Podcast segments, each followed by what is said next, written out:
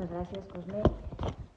Bé, com ara explicava el secretari d'Organització, avui l'executiva també ha tingut l'oportunitat de valorar l'acord de govern que, que han arribat el PSOE i Sumar i que justament demostra aquesta capacitat de diàleg i aquesta capacitat d'arribar a acords dels partits d'esquerra front a aquesta inestabilitat i desgovern que demostra la senyora Provenç i el Partit Popular aquí a Balears. El està molt satisfet d'un acord que tenim clar que beneficiarà notablement a Balears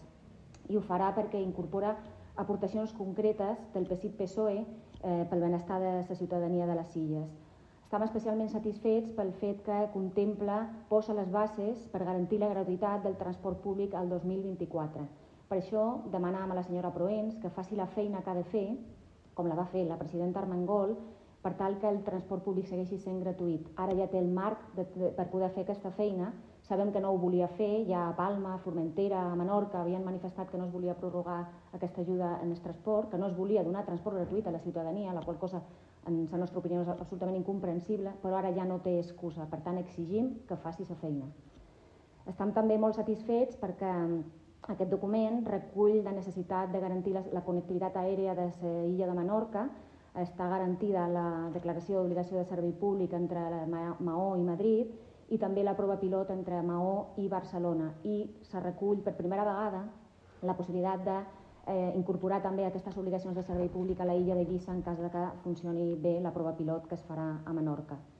I finalment hi ha un altre tema que pensam que és molt important per les Illes Balears, que és el compromís de treballar conjuntament amb Brussel·les pel reconeixement efectiu de la insularitat en el marc de la Unió Europea. Aquesta és una feina iniciada i molt consolidada per la presidenta Armengol, que ara el Partit Popular té l'obligació de la mà del govern central de continuar i aconseguir que vagi endavant. Eh, més enllà d'aquests temes específics de les illes, pensam que els quatre eixos fonamentals del, del document són una demostració de que les polítiques que s'estaven posant en marxa a Balears eren encertades, tant en el marc laboral, on se contempla la importància del diàleg social, la reducció de la jornada laboral a 35 hores i mitja sense reducció salarial, l'increment del salari mínim, dels permisos de maternitat i, de, paternitat, on es contempla un pla de xoc contra l'atur juvenil o mesures per donar recolzament en els fixos discontinus, totes elles mesures defensades i ja iniciades també en el mandat anterior.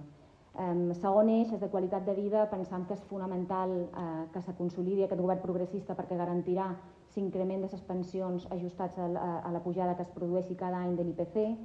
perquè es contempla un reforç de l'atenció primària a salut, una llei per garantir una, un, uns màxims a les llistes d'espera i les mesures necessàries per eh, avançar en matèria de corresponsabilitat i d'igualtat entre homes i dones. I dos temes més que pensam que són capdals per a aquestes illes i que el govern de la senyora Proens sembla no considerar a prou importants, com són l'habitatge públic, amb una, un compromís en aquest document de desplegar una llei recent aprovada que té molt de recorregut per poder garantir el control del, dels preus, una mesura a la que a priori el Partit Popular ha renunciat també incomprensiblement, i per aconseguir que un 20% del parc total d'habitatge sigui d'habitatge públic, que serà l'única manera de garantir que els nostres residents tindran dret a l'habitatge. Eh, deia dos temes, habitatge i canvi, canvi climàtic, unes polítiques que lamentablement han desaparegut amb el govern del Partit Popular i de Vox, on posen eh, negacionistes del canvi climàtic a, a governar i que podrem garantir amb el nou govern de Pedro Sánchez i de la coalició PSOE i Sumar.